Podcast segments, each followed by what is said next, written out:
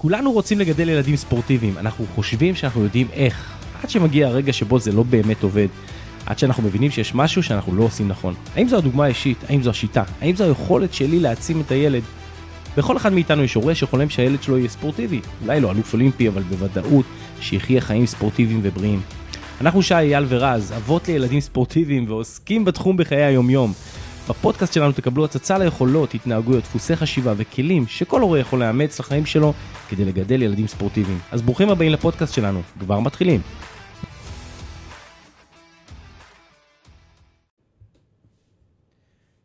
שלום לכם וברוכים הבאים לעוד פרק בפודקאסט שלנו, איך לגדל ילדים ספורטיביים, כאן רז, שי ואייל, שלום לכם. שלום, שלום. שלום, שלום, שלום רז. אהלן, והיום אנחנו נדבר על בעצם על החשיבות של תזונה בריאה. אה, ואיך שומרים על המשקל בבית. אה, הרבה ילדים סובלים אה, מעודף משקל, במיוחד אחרי הקורונה, אחרי התקופה המאוד מאוד קשה הזאת שעברה שעברה על כולם בארץ ובכלל, ובכלל בעולם, ו, ואנחנו ניגע ככה בסיפורים אה, אישיים, גם של שי וגם של אייל, שניכם הייתם ילדים אה, בעודף משקל, נכון? כן, ילד, הייתי ילד בריא, מאוד, מאוד בריא. היינו חסונים, בריאים, כן, אבל היינו בעודף משקל. אז, אה, אז, אז באמת אנחנו ממש רגע ניגע ו, ואני חושב שאחד הדברים המעניינים זה באמת לדבר על היום בתור בוגרים, גם בתור אבות, על הטעויות שאתם מסתכלים ככה על ההורות שאתם קיבלתם ואיך היה בבית ו, ומה ההורים יכולים ללמוד מזה היום. אבל uh, ככה לפני זה חשוב ככה לשים את המספרים על השולחן, כי אנשים חושבים שנושא של משקל הוא לא, לא תופסים אותו בממדים גדולים. ו...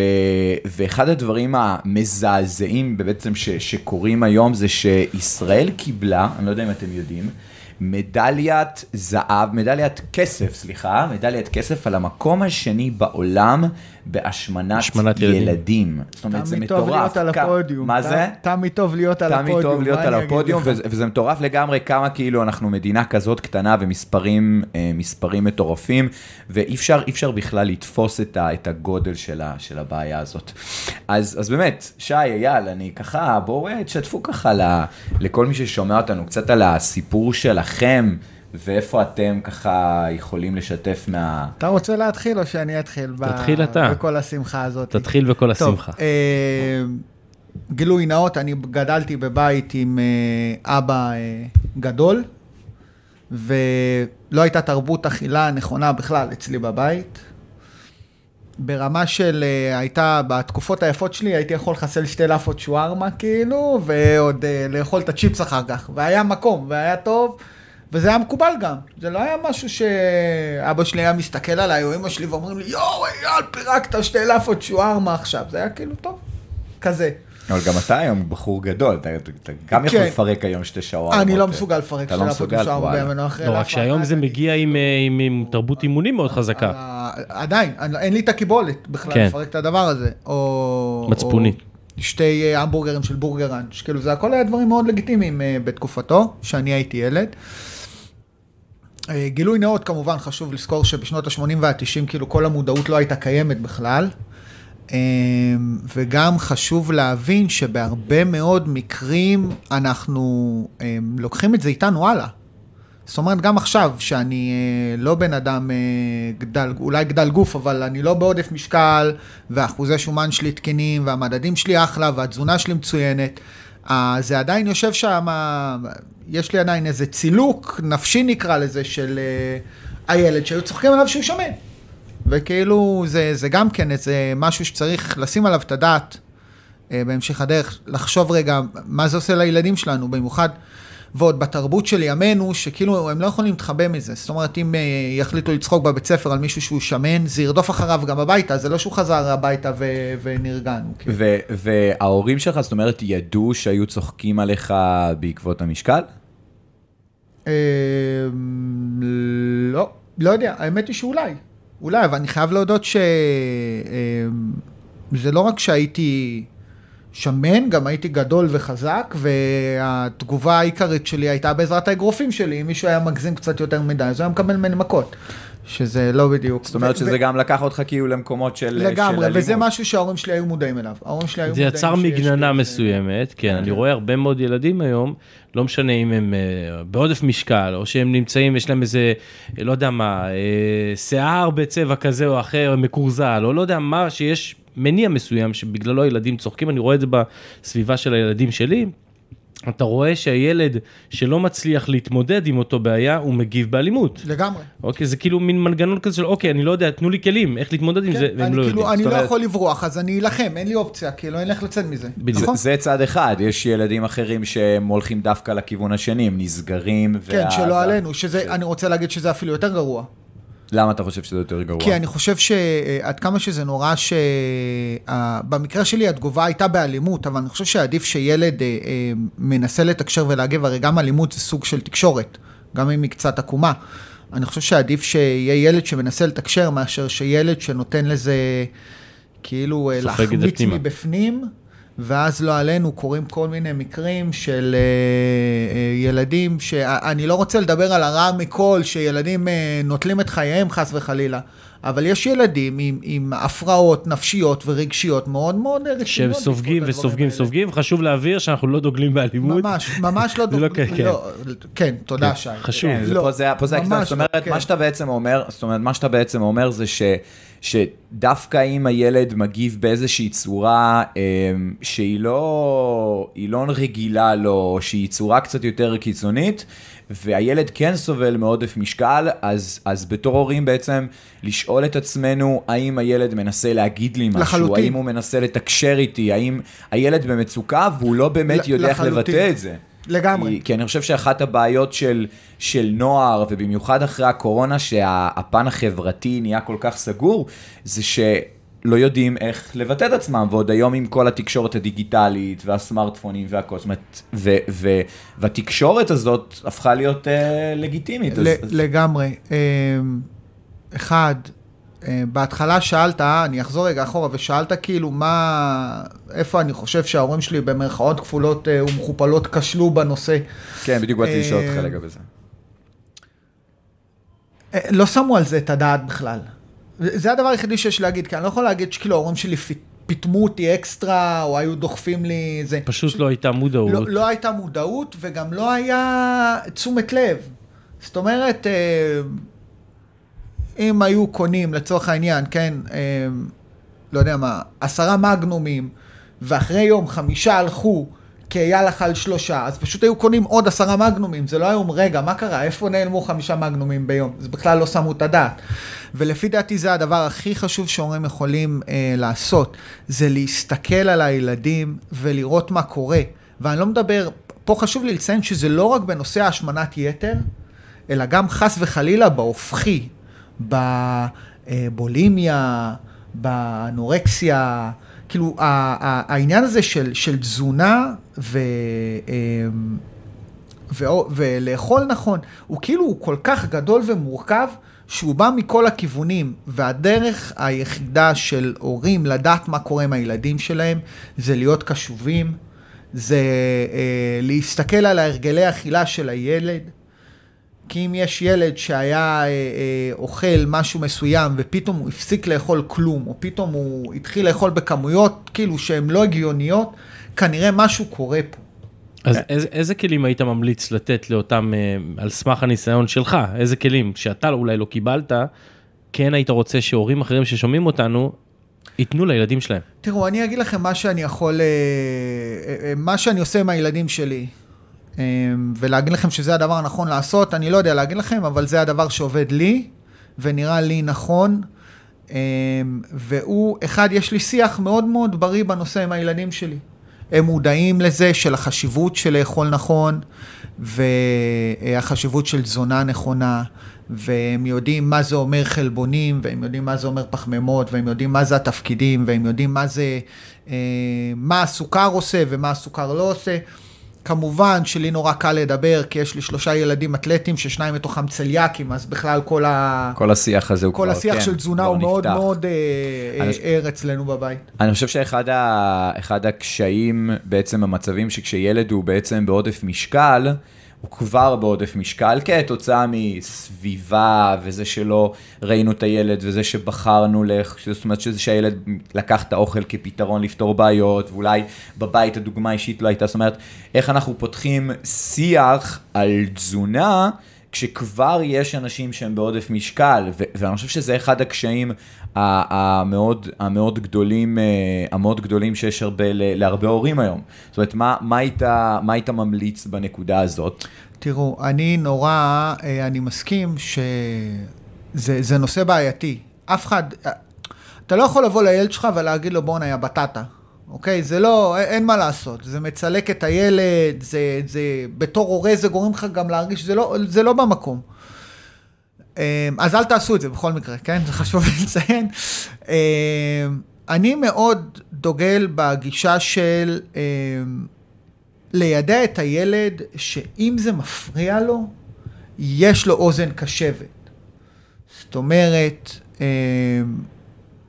אם הילד הוא בעודף משקל, או לחילופין, וסליחה שאני לא פוליטיקלי קורקט, אם הילד שמן, הוא שמן, אין מה לעשות. והוא מודע לזה שהוא שמן, אוקיי? הוא רואה את זה מול החברים שלו. אה, יש ילדים שמתביישים עכשיו בעונת רחצה בבריכה להוריד את החולצה.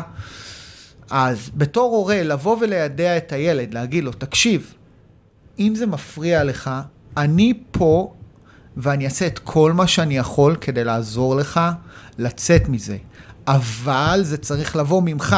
אתה לא יכול להכריח את הילד שלך להיכנס לדיאטה, זה התעללות ב- בילד. לגמרי. זה נכון, מלא סיפורים על, אה, על ילדים שמגיל צעיר הכריחו אותם להיכנס לדיאטה ותפריטים, ואני חושב שאחד הדברים שאני עושה הרבה פעמים כשבאים אליי אה, הורים לתהליכי ירידה במשקל ושואלים אותי על הילדים, אז, אז קודם כל הדבר הראשון שאני אומר להם זה, קודם כל דברו איתם אורח חיים בריא יותר ופחות משקל.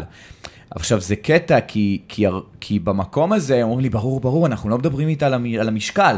אבל אז אני שואל אותם, רגע, ואתם עולים על המשקל לידם? ואז אומרים לי, כן, ברור, גם הילד עולה על המשקל. זאת אומרת, לדבר על אורח חיים בריא, זה גם אומר לא להכניס את המשמעות של מה זה אומר משקל, כי בסופו של דבר ילדים לא יודעים לעשות את הקונטקסט ולשים את המשמעות שאנחנו כמבוגרים יודעים לשים על משקל. אם אנחנו עושים אישו מהמשקל, אז גם, גם הם יתחילו לעשות מזה אישו. לגמרי. והדוגמה האישית פה היא מאוד מאוד uh, חזקה. Uh, שי, איך אתה, איך, איך, איך היה לך בתור ילד uh, בעודף משקל? זאת אומרת, גם במשפחה אני יודע שהיה... נכון, היה הרבה אישויים, כן. ובניגוד לאייל, זה היה הפוך. אצלי דווקא היה מודע, הייתה מודעות, אבל אני כבר אספר לכם. זה התחיל כזה בגיל, אה, בערך בכיתה א', הייתי עדיין אה, רגיל, לא בעודף משקל, ולקראת כיתה בין א' לב', הייתה שם איזושהי קפיצה מסוימת מבחינה תזונתית. אין מושג מה, פשוט כנראה אכלתי יותר. אכלתי יותר, ועם הנטייה הגנטית שלי להשמנה, מצאתי את עצמי אה, פותח את כיתה ב', עולה אחרי חופש אה, גדול, עם עודף משקל, לדעתי, סדר גודל של למעלה מ-10 או 12 קילו עודפים, לילד בכל זאת בכיתה ב'. להגיד בדיוק את המשקל המדויק, לא יודע להגיד, אבל היה. ואז אה, קרה משהו. אה, בכיתה ב' היינו ממש מספר חודשים לפני אה, קבלת ספר תורה, יש מין טקס כזה. אני זוכר. כן, אז כן, באותם כן, ימים, אני לא יודע אם היום גם. אני חושב שעדיין יש, כן. דרך אגב. עדיין יש, קבלת ספר בחלק תורה. מהבתי ספר יש עדיין אוקיי, זהו, הזה. אצל הבן שלי אני לא זוכר שהיה, אבל בכל מקרה. אה, בנתניה היה. בנת בטח, אני- קבלת ספר תורה. כן, אני זוכר ואז זה. אני אומר, אוקיי, מה, מה, במה זה כרוך? ראינו את הבמה בבית ספר, מתרגלים, עולים לבמה, כל אחד מקבל, אנשים, הורים, כולם צופים בך, אמרתי, טוב, מה אני עושה עם עצמי? ילד בכיתה ב'. אבל זה לא סתם uh, התחיל, זאת אומרת, המשמעת התזונתית או הרצון לרדת במשקל בתור ילד בכיתה ב', שזה גיל שמונה, כזה בערך, זה הגיע מהבית. אצלי, אבא שלי, שגיליתי את זה בערך בגיל 20, היה בעצמו ילד שסבל מעודף משקל. וואו. והוא מ- מ- מגיל אפס כמעט, תמיד היה שם איתנו, תאכלו חצי, תאכלו זה, לא לאכול מזה, יש בזה הרבה סוכר. הוא תמיד תמיד זרק לנו את הדברים הקטנים. מבלי להגיד לנו, אתם שמנים או דברים כאלה, אבל פשוט נתן לנו זרק. ואז אני בכיתה ב' החלטתי שאני עושה מעשה, אבא שלי אמר, הכל חלחל. הוא אמר בלי סוכריות, בלי שוקולדים, בלי עוגיות, בלי עוגות, כאילו כל פעם הוא אמר את הדברים האלה, ופשוט עשיתי cut להכל, לא רק שלא אכלתי חצי, אלא פשוט לא אכלתי. ותוך אה, חודשיים או שלושה ההורים שלי כאילו היו בהלם, אמרו לי, תקשיב, אתה כאילו, לבשתי חולצה לבנה עם צווארון והכל, החולצה פשוט לא עלתה עליי, זאת שהייתה לי בארון, קנו לי חדשה. לא, לא שלא עלתה, סליחה, הייתה גדולה עליי מאוד. אז ההורים שלי, זה סיפור כזה שלקחו את זה ימים ושנים קדימה, שאמרו, הילד בכיתה ב' עשה דיאטה מדהים, לבד. מדהים. אז עכשיו, אחד, טוב, בסדר, כוח רצון, מוטיבציה וכאלה, זה דבר אחד אולי כנראה שהיה קיים אצלי, אבל יחד עם זאת, הרבה דברים שחלחלו, האבא שלי כל הזמן, כל הזמן זה היה שם. אבא שלי... ואימא שלי גם, תמיד עשו ספורט, היו יוצאים לצעידות, להליכות, אבא שלי היה בחדר כושר, תמיד ראיתי את זה סביב, זאת אומרת זה היה משהו שכן קיים וכן הייתה מודעות אליו.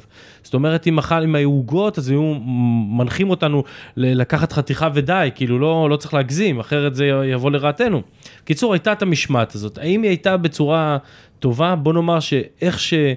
אה, זה בוצע כשאני הייתי ילד, לא יודע אם אני הייתי מבצע את זה היום, כי אז היו כזה, לא, אל תאכל. אני היום לא בעד הגישה של אל תאכל, אלא תאכל מה שאתה רוצה, כמה שאתה רוצה, תדע שיש בזה סוכר, תדע את ההשלכות גם, של זאת זה. אתה מעביר את תדע. האחריות, אתה מעביר את האחריות בטח, לילדים. בטח, אתם יודעים, אחד הדברים שעשיתי עם, עם הבנים שלי, שבני כמה הם? סוכר, אחד אה, הגדול בן תשע, שש וחמש, עוד מעט. אה, אחד הדברים שעשיתי עם הבנים זה שהם כאילו סוכר וכאלה וביסלי וכל הדברים, פשוט לקחתי אה, את הטלפון שלי, לקחתי גוגל, רשמתי שיניים אה, שחורות או מה שזה לא יהיה, יהיה בילדים, וקיבלתי אין ספור תוצאות של ילדים עם שיניים שחורות. לא תמונות מזוויעות, אבל תמונות שלא נראות טוב, בסדר? והראיתי לילדים, אמרתם, תראו, זה ההשלכות של סוכר. אתם רואים את זה? זה ההשלכות של סוכר. אם תאכלו סוכר, אם זה, זה ככה, ככה זה יכול להגיע למצב כזה, זה הכל. פעם, פעמיים, שלוש, לא אמרתי מעבר, תאכלו, אבל במינון. ופתאום אתה רואה את הילדים. קודם כל, הגדול שלי בכלל לא אוכל... לא אוכל סוכר, הוא, הוא כאילו לא, לא מעניין אותו ביסלי ולא מעניין אותו ממתקים ולא לא מעניין אותו בכלל, זה לא שהוא לא רוצה, כאילו, ואם הוא אוכל במינון, כי הוא כאילו ספג את זה מאוד מאוד אה, טוב, ושני הבנים האחרים כן אוכלים, גם כן במינון, וכשהם אוכלים הם מיד גם דואגים, לפחות ברוב הזמן, לצחצח שיניים. ו... זאת אומרת, גם אם אתה רוצה שהילד שלך לא יאכל משהו, ואם הוא סובל מעודף משקל, או אם השיניים שלו זה, תראה לו מה ההשלכות. להגיד לכם, להראות ילד בעודף משקל, אולי זה לא התמונה הכי טובה, אבל כן להראות לו את ההשלכות של סוכר, וכן להראות לו השלכות של דברים מסוימים, וכן אם הוא בשיעור ספורט מתקשה בדברים מסוימים, אז להגיד לו, כן, כל הממתקים וכל הדברים האלה לא רק גורמים לנו כאבים בשיניים, וגורמים לנו לשיניים שחורות. שיכולות להיות, זה גם מאט אותנו, זה גורם לנו להיות פחות חזקים, אולי לקפוץ פחות גבוה. זאת אומרת, צריך לאתר מה הבעיה אצל אותו ילד בגלל המשקל ולתקוף את זה. אני אתן לכם סיפור נוסף. ככה אני, אגב, היחסי האהבה, השנאה. ביני לבין המשקל, עד אה, באמת, עד גיל 15-16, וכל הזמן, גם במהלך הקורונה עליתי עשרה קילו, אתה יודע, התחלתי לעבוד על זה, ירדתי חזרה חלק. בקיצור, אני כל החיים מתמודד עם הדבר הזה, על אף שאני מתאמן ואוכל בריא והכל טוב אני ויפה. איתך לחלוטין. אה, אני מתמודד, אני מסתכל כן. במראה, לא משנה מתי, גם כשהייתי, היום אני 85 קילו, אבל כשהייתי 70 קילו, בסדר? 75 קילו, לצורך העניין, על המדדים שלי, הייתי מסתכל במראה, מוריד חולצה, ותמיד ראיתי ילד אה, עם עודף משקל, כפלים ושומנים, ואשתי אומרת, אני לא רואה כלום, אני, הבטן שלך מפוסלת, הכל, ואני רואה משהו אחר. לגמרי, זה אז- אף אז פעם זה לא- זה זה לא הצלקת מספיק שאמרת בדיוק, מקודם, זה זה- בדיוק זה. זה בדיוק זה. עכשיו, אחד המקרים, אה, עוד סיפור קטן ככה בנושא הזה, ובאמת אה, פרויקט שעשיתי לא רק על עצמי לאורך השנים, זה אחי הצעיר, אחי הצעיר, דביר, בגיל 13, אני הייתי בן אה, 7 שנים הפרש, הייתי בן 20, מאמן כושר צעיר אה, בתחילת דרכי, והוא בגיל 13 שוקל 120 קילו. היה ילד יחסית גבוה, אבל 120 קילו, בכל זאת, אה, סבל מעודף משקל של למעלה מ-40 או 50 קילו. אמרתי, אוקיי, איך מתמודדים עם הדבר הזה?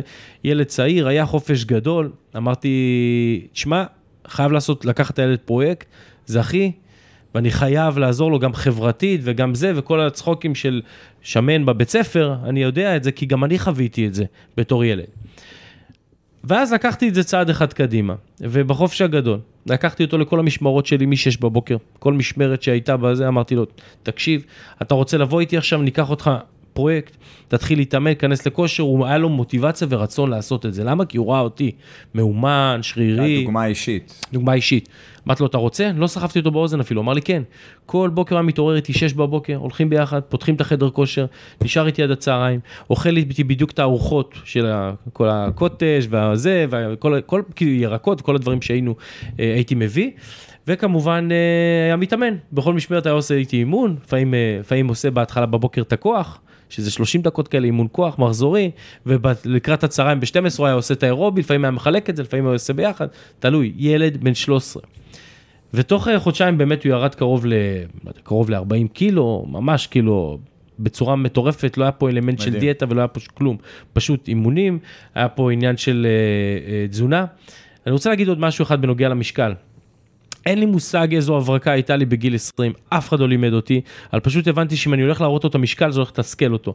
אין לי מושג מה למדתי בקורס מאמני ומה עשיתי, ופשוט העליתי אותו למשקל, אמרתי תקשיב המשקל זה רק בשבילי, לא נתתי לו להסתכל, הוא הסתכל קדימה, הסתרתי את המשקל, שמתי יד, פשוט רשמתי לעצמי וככה עד שהוא ירד, ואז רק בסוף התהליך הראיתי לו את ה... אמרתי לו תקשיב היית פה, והגעת לפה. לא רציתי שהוא ילך עם הטאג, נקרא לזה הטאג אה, משקל של 120 קילו ליום יום שלו. וזה כן, בעצם... אני, אז קודם כל זה, זה מדהים, אני חושב שכאילו בכלל הילדות שלך וזה שכאילו...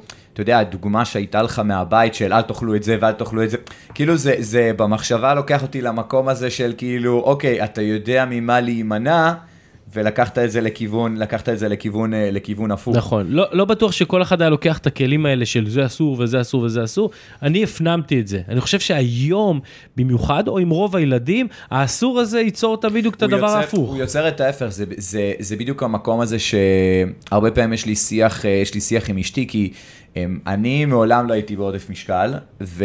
אבל נושא של תזונה הוא מאוד מאוד חשוב לי. זאת אומרת, אני גדלתי בבית ארגנטינאי, שאוכל בוא, זה לא הדבר הכי בריא, זה כאילו מלא בשר ומתוקים ודונסי לצ'ה, ריבות חלב ואלפחול, זה כאילו המון המון דברים, ו, וכש... וספורט כן היה תמיד חלק מהחיים שלי, וכשגדלתי, זאת אומרת אזור כאילו 18 בערך, הבנתי שאם אני לא אקח אחריות על התזונה שלי, זאת אומרת שום, לא, לא יקרה שינוי, וזה משהו שהמשיך לי כל החיים. והיום, זאת אומרת, אשתי גם היא כאילו יחסית באותו מבנה כמוני, ו, והבנות שלנו הם לא, זאת אומרת, המבנה גוף שלהם הוא, הוא קטן.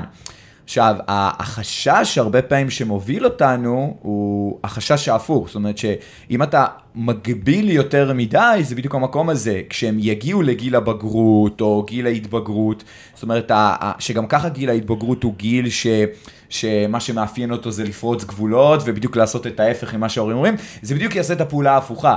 אז זה כל הזמן לשמור על האיזון של איך מכניסים, כמו שאתה אמרת, אייל, מה זה חלבון, ולמה הוא טוב, ואיפה עושים, וכן ההגבלה. נכון. ו- ו- ובאמת זה מוביל אותי ל... ל-, ל- לטיפ השלישי, כי אתה דיברת אייל על המקום הזה של לראות את הילד, המודעות, להבין מה קורה. אתה, שי, דיברת על המקום הזה של אה, להראות אולי, להראות את, ה, את, את ההשלכה. של מה שיכול... את ה outcome, את ה outcome של מה שיכול להיות. כן. אה, את ה outcome, וכן לבוא ממקום, כן לבוא ממקום של חיובי ולא לשים את המשקל, את המשקל ב front. ו, ו, והדבר הנוסף שאני אוסיף לדבר הזה, זה באמת שחשוב שכל אחד בבית יהיה לו בין שלושה לחמישה חוקים. ש... שהוא יכול, שהוא בעצמו יכול לעמוד בהם כדוגמה אישית, כי כולנו פה בעצם דיברנו על דוגמה אישית ובכל הפרקים, ושהבית יכניס את החוקים האלה ככללים. זאת אומרת, לצורך העניין, אם כלל הוא שאוכלים סלט כל הזמן בארוחה ואין שתייה מתוקה על השולחן, אז זה אחד הכללים שעומדים בו. עכשיו, לא צריך להגיד לילדים שזה הכלל, פשוט חיים את הכלל. חיים את הכלל, חיים את מסכים איתך לגמרי. ו- ו- ולא וגם אני חושב שהקושי שה, המאוד מאוד גדול של הורים, וגם אני חוויתי את זה עליי, זה שאפילו שהסלט על השולחן, פתאום הילד אומר לא רוצה, לא בא לי לאכול. ואנחנו כהורים, כאילו כל הזמן מסתכלים להם על הצלחות, מסתכלים... לראות כמה הם אכלו. ו... וזה משהו שהוא מאוד חשוב לנתק אותו, עכשיו אני גם רואה את זה מהפן האישי שלי, כי הבת שלי הגדולה, כשהייתה יותר קטנה, היה שם אישוז. עם, עם, עם אוכל, אוכל, והדבר הראשון ש, שאמרו לנו בהנחיית הורים, תשחררו את המבט שלכם מהצלחת של הילדה, תנו לה לאכול, זה שלה. כאילו, אתם שמים על הצלחת, ו... הם מחליטים מה הם אוכלים, וזה לא משנה אם אכלו ביס, חצי או צלחת, והקושי נכון. של תסיים מהצלחת ותאכל את זה, הוא, הוא קושי מאוד מאוד גדול של הרבה הורים לשחרר את המקום הזה, נכון. זו עבודה. אמ, אז הנושא הזה של, של לקבוע את החוקים האלה, שלכל אחד יהיה בבית ולחיות את החוקים האלה, מתחבר מאוד יפה גם עם, עם מה שאתם אמרתם, זאת אומרת, המקום הזה של ה, לראות את הילד, הדוגמה האישית, ההשלכות של מה שיכול להיות, להתחיל לדבר איתם על הדברים. אמ, וזו, וזו אחלה דרך להתחיל לסגל, לסגל לילדים שלנו. אה, לסגל לילדים את, את, את האורח חיים הזה. לגמרי, אה, לגמרי. אני חושב ש... אה, אגב, אני חי ככה, ואני מניח שגם אייל ואתה, הקטע של אה, שתייה מתוקה בשולחן בכלל לא מוכר לאף אחד. רק כשאנחנו הולכים למשפחה, אורחים וכאלה, פתאום יש דברים, הם מסתכלים על זה כאילו, מה זה השתייה הזאת? הם לא רגילים, זה מים בארוחה, הם יודעים, לא היינו צריכים להגיד יש רק מים, או אין פטל בארוחה, לא היינו צריכים להגיד. לפעמים אני הולך למקומות אחרים בלי לשפוט ואני פשוט מסתכל מהצד, והדבר הראשון זה עולה פטל על השולחן והקולה, כאילו למה ילד בן 6 צריך לשתות עם הארוחה שלו קולה בכל ארוחת צהריים בערב? למה? זה, זה אני חייב לציין, ספציפית אני, אני רוצה להגיד משהו על הקולה, כי זה... אני מאוד אוהב קולה, כן, אני לא אגיד שלא. גם אני, שלא תטעה. ואני מודע לזוועה, אבל... הילדים שלי יודעים שאסור להם לשתות קולה. אסור. אז אני לא מכניס את זה. קולה, מבחינת הילדים שלי, קולה, הם שותים, אני קונה במיוחד אם למישהו יש ממש ממש כאב בטן, וכאילו קצו כל הקיצים ואנחנו לא צריכים להתמודד עם הדבר הזה, אז אני מביא להם קולה, וזה מנקה להם את המערכת, וזה גם התמונה שיש להם בראש, כאילו. של ניקוי, של תרופה. שהבנות שלי באות ואומרות, אה, סתם, הבן שלי בא ואומר, אבא, למה אני לא שותה קולה? אז אחת הבנות שלי באה ואומרת, קולה זה רק לכאבי בטן, עזוב, אתה לא רוצה. כזה, מבחינתם. ממש קונוטציה של תרופה. זה, זה... כן, אז זהו, אז אני, אנחנו, נתתי להם את הדוגמה, הראיתי להם, אם אתם זוכרים, את הניסוי גם של המנטוס כן. וקולה, וגם ניסוי של שן, שאתה זורק שן בפנים, הראיתי להם ביוטיוב, כן. איך שן בעצם נמסה. אה, ובעצם אה, כאילו גם זה לא טעים, וגם כשאני שותה קולה באיזה אירוע, נשבע לכם בכל היקר לי, אני פשוט דואג שהם לא יראו את זה. זאת אומרת, אני לא אלך עם הכוס קולה בכיף שלי, אני אשתה כמה לגימות בצד, ישים את זה בצד ויחזור חזרה. תודה על הקטע חש... שי. אני, כן, יום אחד הם ישמעו את הפודקאסט ויגידו, אה, אבא, קח אותה.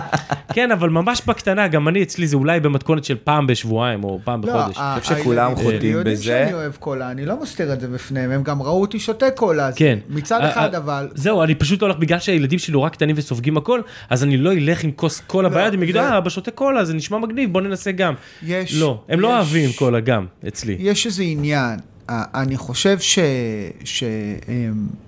שברגע, וזה מתקשר למה שאתה אמרת, רז, ברגע שלצורך העניין התרבות בבית היא שבארוחה שותים מים, אוקיי? אז כאילו כל המיצים, ואני לא אגיד לכם שאין לי מדי פעם, מדי פעם, אני הולך לאימא שלי, אימא שלי יש לה איזה קטע, אצל ההורים שלי, באמת עד עכשיו, אה, שתו רק מתוקים, כאילו ההורים, הילדים שלי מגיעים שישי לאימא שלי, ויאללה, ברבק אה, מתוקים וכאלה, ואני לא אגיד להם לא, כי זה סבתא כזה. אבל יודעים שחוזרים הביתה, אז אה, זהו, חזרנו למים. מדהים. הללויה. מדהים. כן, לגמרי, לגמרי, וואו, אפשר, אפשר לדבר על זה עוד שעות, ואני בטוח שאנחנו נרחיב כן. ונעשה על זה עוד uh, פרקים, uh, פרקים uh, אז אנחנו נסכם את הפרק. רז, תן לנו ככה בשתיים, שלוש, ארבע נקודות שכל אחד שהאזין לפרק הזה פשוט יכול וחייב לקחת אליו לבית ולאמץ את הכללים. אז הראשון הוא, אז הראשון הוא בעצם להוציא את העיניים אה, מהמשקל, אנחנו מדברים על אורח חיים בריא. ומהצלחת. ומהצלחת, נכון, לגמרי, זה ומהצלחת, זה הדבר הראשון. אה, הדבר השני שדיברנו עליו, זה שמשקל הוא תמיד תוצאה של איזושהי בעיה שיש לילד. אה, בעיה שהיא לא המשקל עצמו. תמיד יושב על תמיד משהו. תמיד יושב על איזשהו משהו רגשי, וכן חשוב להבין אה, מה הבעיה שמה, כן לקחת אה, איש מקצוע, כן לנסה לדבר את הילד, כן לגעת ולהבין על מה זה יושב. דיברנו על הדוגמה האישית, שמאוד מאוד חשוב, מה יש לנו בשולחן בבית, מה אנחנו שותים, מה אנחנו מראים לילדים, אנחנו חוזרים על זה הרבה הרבה פעמים. כן לדבר עם הילדים על ההשלכות. ההשלכות של, אה, של אוכל לא בריא, של סוכר, כן על ההשלכות של האוכל הטוב, אה, ולקבוע את החוקים שלכם והערכים שלכם שיש לכם אה, בבית, הסופר חשובים, הדברים שבאמת חשובים לכם, ואני אפתח על זה סוגריים לסיום. אם משהו הוא מבחינתכם עיקרון, תשאלו את עצמכם, האם העיקרון הזה הוא כי סתם בא לכם להיות צודקים, או שזה באמת יושב על איזשהו ערך שאתם רוצים להעביר לילדים שלכם, ואם לא, תשחררו את הערך הזה ותנו להם את מה שהם באמת אה, צריכים במקום הזה. תודה אז רבה. זהו חברים, כן, וואו, איזה פרק אה, כיפי, סיפורים אישיים פה לגמרי. כן, ורץ גם אה, מהיר, היה זריז, כן. ממש, עבר, אה, טס לנו. טוב, אז אה, סיכמנו את הפרק, שיהיה לכולם אה, כיף גדול ובהצלחה. כיף גדול ובהצלחה. בתיאבון. כאן. נתראה ביי, בפרק הבא, להתראות. חברים.